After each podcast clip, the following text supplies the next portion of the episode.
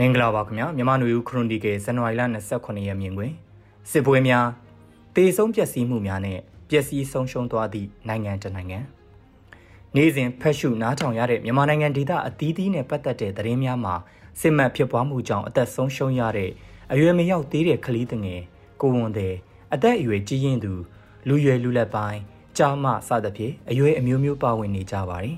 လက်နက်ကြီးကြီးကြားရောက်မှုကြောင့်နေအိမ်မှာနေရင်အသက်ဆုံးရှုံးကြရသူလေရင်နဲ့ပြစ်ခတ်မှုဘုံကျဲမှုကြောင့်နေအိမ်ပျက်စီးတယ်လို့လူလဲအသက်အန္တရာယ်ကြားရောက်ရတဲ့သတင်းတွေကနေစဉ်သတင်းကောင်းစင်တွေတဲ့တန်းစီထားသလားအောင်ပေးရလောက်အောင်ထက်ခါထက်ခါဖြစ်ပျက်နေကြပါပြီ။ကျေးရွာတွေမြို့တွေမှာနေထိုင်နေကြတဲ့အရက်သားတွေအနည်းနဲ့လေစစ်ကောင်စီရဲ့လက်နက်ကင်တပ်ဖွဲ့တွေက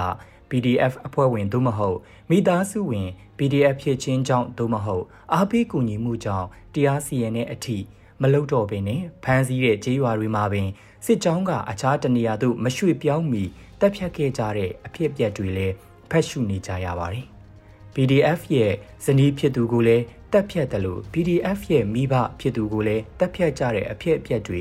စကိုင်းတိုင်းမကွေးတိုင်းထဲမှာ ထခါတလဲလဲဖြစ်ပွားနေတဲ့သတင်းများဖတ်ရှုကြရပါတယ်။အရွေတက်အားဖြင့်နဲတော်လဲအလားတူလက်စားချေတက်ဖြတ်မှုမျိုးဖြစ်တဲ့ပြူစောတီမိသားစုလို့ယူဆခံရတဲ့သူများကိုလည်း PDF များကတက်ဖြတ်တဲ့သတင်းမျိုးလဲမကြမကြဖတ်ရှုရလေရှိပါတယ်။ကျေးရွာဒေသတွေမှာဖြစ်ပွားတဲ့အခုလိုတက်ဖြတ်မှုသတင်းမျိုးနဲ့အနှဲငယ်ကွဲပြားတဲ့သတင်းတွေက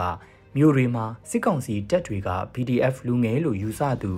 NLD ပါတီမှစီယုံရေးမှုတွေလွတ်တော်ကိုယ်စားလှယ်ဟောင်းတွေကိုစစ်စည်းမေးမြန်းဖို့ခေါ်သွားပြီးအလောင်းသာပြန်ရတဲ့သတင်းတွေမြို့ပြပျောက်ကြားလို့အများကခေါ်ဆိုကြတဲ့လက်နက်ကိုင်ကစစ်ကောင်စီတပ်ရဲ့လုံခြုံရေးကင်းတွေကိုမိုင်းခွဲခြင်းပစ်ခတ်ခြင်းနဲ့တရင်ပေးဒလန်လို့ယူဆတဲ့ရက်ကွက်အုပ်ချုပ်ရေးမှုများဆယ်အိမ်မှုကြန့်ခိုင်ရေးပါတီစီယုံရေးမှုစစ်မှုထမ်းဟောင်းစသူတွေကို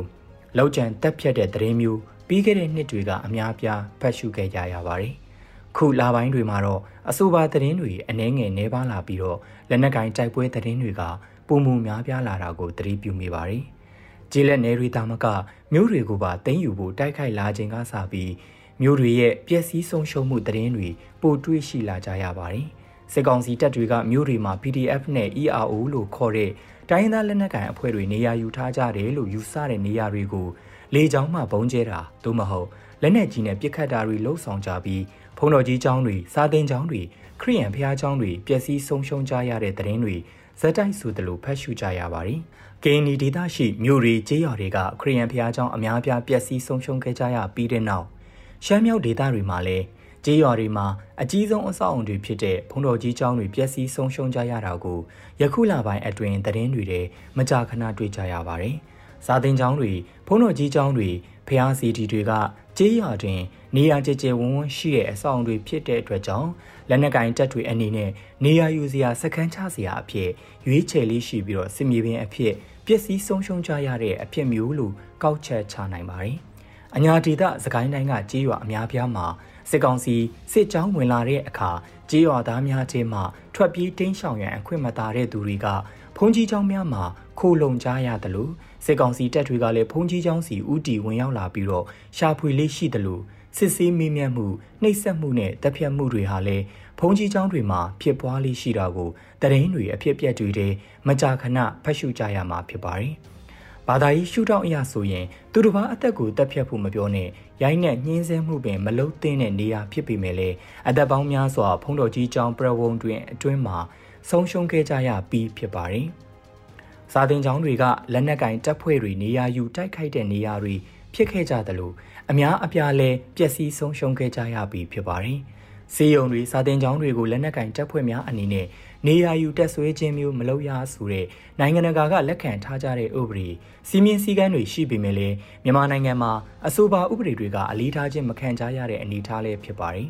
။တဆေ20ခုစစ်စင်ရေးနောက်ပိုင်းမြို့ပေါင်း20ကျော်ကိုစစ်ကောင်စီထိန်းချုပ်မှုမှလက်လွတ်ဆုံးရှုံးခဲ့ရပြီဖြစ်ပါတယ်။အဆိုပါမျိုးတွေမှာရှိတဲ့ရုံးတွေလူနေအိမ်တွေဈေးတွေဖုံးတော်ကြီးကျောင်းတွေ ဖျားကျောင်းတွေအများပြားမီးလောင်ပျက်စီးဆုံးရှုံးခဲ့ကြရပြီးဖြစ်ပါတယ်။ယခုရပိုင်းအတွင်းရိုက်ကော်မျိုးမှနှစ်ချက်ဈေးကိုဒရော့ဘုံဖြစ်တိုက်ခိုက်ခံရမှုကြောင့်မီးလောင်ပျက်စီးတဲ့သတင်းလေးဖတ်ရှုခဲ့ကြရပါတယ်။ရခိုင်မှာလည်းမင်းပြပေါက်တော်မျိုးတွေမှဈေးတွေလူနေအိမ်တွေအများအပြားပျက်စီးခဲ့ကြရပြီးဖြစ်ပါတယ်။ဆီယနာရှင်ဖြစ်တဲ့စစ်ကောင်စီကိုပြုတ်ကျအောင်အပီးတိုင်ဖယ်ရှားနိုင်အောင်တိုက်ခိုက်ကြရတဲ့အရေးမှာအခုလိုလူအသက်ပိုင်းဆိုင်မှု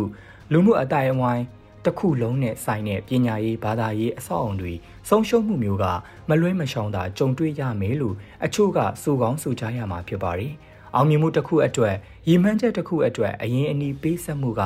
ရှိရမယ်လို့ရုပ်တိဗေဒအဆိုဖြင့်ကာကွယ်ပြောဆိုကြမှာဖြစ်ပါတယ်။သို့တော်လည်းအရင်နီးကများလွန်သလားအ ਨੇ ဆုံးအရင်နီလားဆိုတဲ့အချက်ကတော့ဆွေးနွေးငင်းခုန်စရာအချက်တစ်ခုဖြစ်နေအောင်မှာဖြစ်ပါတယ်။ စနေဟောင်းကိုဖြိုဖျက်ရမှာစင်ကြင်တုံတရားရှိရှိကျင့်သုံးသင့်တဲ့နီလန်းနဲ့ရှင်းလင်းပြတ်သားပြီးအများသဘောတူညီမှုရှိထားတဲ့ပန်းတိုင်တို့ရှိဖို့ကအခုလိုအခြေအနေမျိုးမှာအရေးကြီးဆုံးလို့ဆိုကြပါတယ်ခင်ဗျာ။